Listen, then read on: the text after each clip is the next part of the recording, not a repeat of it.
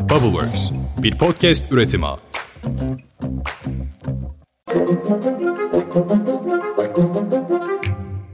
Merhaba, 5 dakikada Dünya Gündemi podcastine hepiniz hoş geldiniz. Bugün 22 Kasım 2022, ben Özlem Gürses.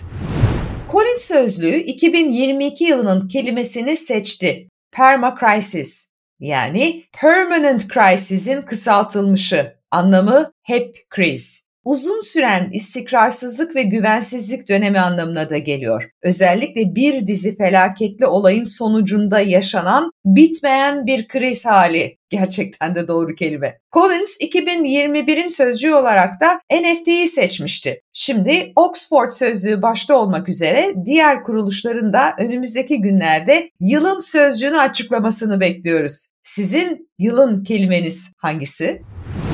Hazır sürekli krizden, permanent crisis'den söz etmişken, Türkiye, Suriye ve Irak'taki PKK-YPG bölgelerine hava operasyonu gerçekleştiriyor. Cumhurbaşkanı Erdoğan, operasyonun kara harekatı olarak da devam edeceğini açıkladı. İç politikadaki tartışmalar bir yana, operasyon Yunanistan'ı ciddi şekilde rahatsız ediyor. Yunan Genelkurmay Başkanı Orgeneral Konstantinos Floros yaptığı açıklamada Türkiye'yi açıkça tehdit etti. Floros, kim gelmek gibi ölümcül bir hata yaparsa yeni bir maraton, yeni bir salamis veya yeni bir 731 ile karşı karşıya kalacağını önceden bilsin ifadesini kullandı. Yunan komutanın adını andığı bu savaşlarda Yunanlılar Perslere karşı tarihi zaferler kazanmıştı. Komutan bunu hatırlatıyor.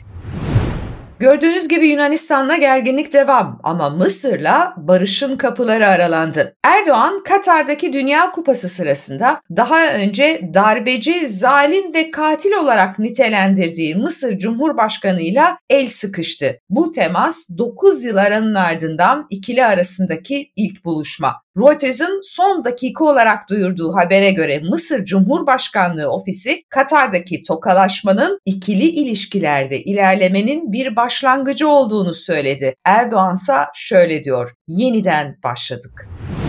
Katar'a dönelim o zaman. Dünya Kupası büyük tartışmaların gölgesinde devam ediyor. Ama her gün bir olay var desek yeridir. İran milli takımı İngiltere maçı öncesinde Hamaney yandaşlarının şiddetini protesto amacıyla kendi ülkelerinin ulusal marşını söylemeyi reddetti. Milli takım kaptanı Ehsan Haşvazi basın toplantısında yaptığı konuşmada insanlarımız mutlu değil. Biz buradayız ama ne yapıyorsak onlar için mücadele etmeliyiz. Elimizden gelenin en iyisini yapmalıyız. Goller atmalı ve İran halkına armağan etmeliyiz dedi.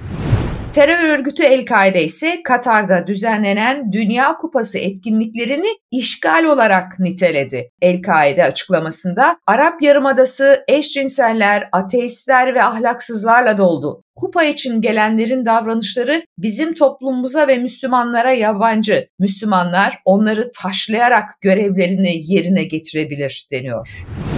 Eski Amerika Birleşik Devletleri Başkanı Donald Trump bir sonraki seçimler için adaylığını açıklaması bekleniyor. Tam da öyle bir dönemde Trump ailesinin Umman'da Suudi emlak devi Darel Arkan'la 1,6 milyar dolarlık lüks bir inşaat projesi için anlaştığı ortaya çıktı. Yanlış duymadınız 1,6 milyar dolar. Seçim öncesi Trump organizasyonu için büyük bir gelir kaynağı şüphesiz ki bu anlaşma. Amerika Birleşik Devletleri'nde başkanlık kampanyası büyük bütçelerle hayata geçebiliyor. Umman Körfezi'nin yanındaki bir yamaçta inşa edilen tüm tesislere ve villalara Trump adı verilebilecek. Tıpkı bizdeki Trump Towers gibi düşünebilirsiniz ya da Trump Hotel gibi. Projenin sitesinde Umman'ın başkenti Maskat kıyılarının 90 metre yukarısındaki tepelerde yer alan projede orta büyüklükteki villalar, konutlar ve az katlı apartmanlardan oluşan tam 3500 yerleşim birimi yer alıyor.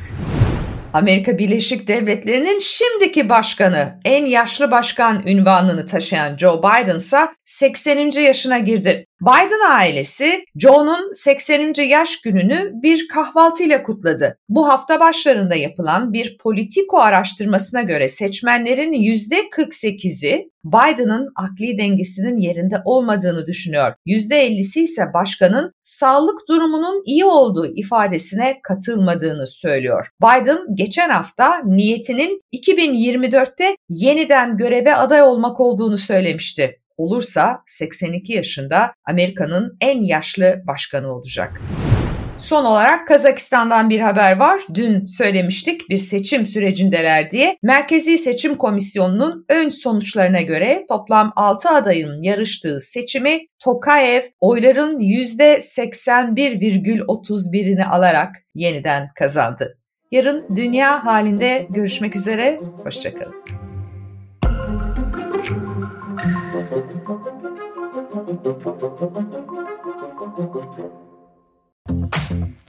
Bubbleworks bir podcast üretimi.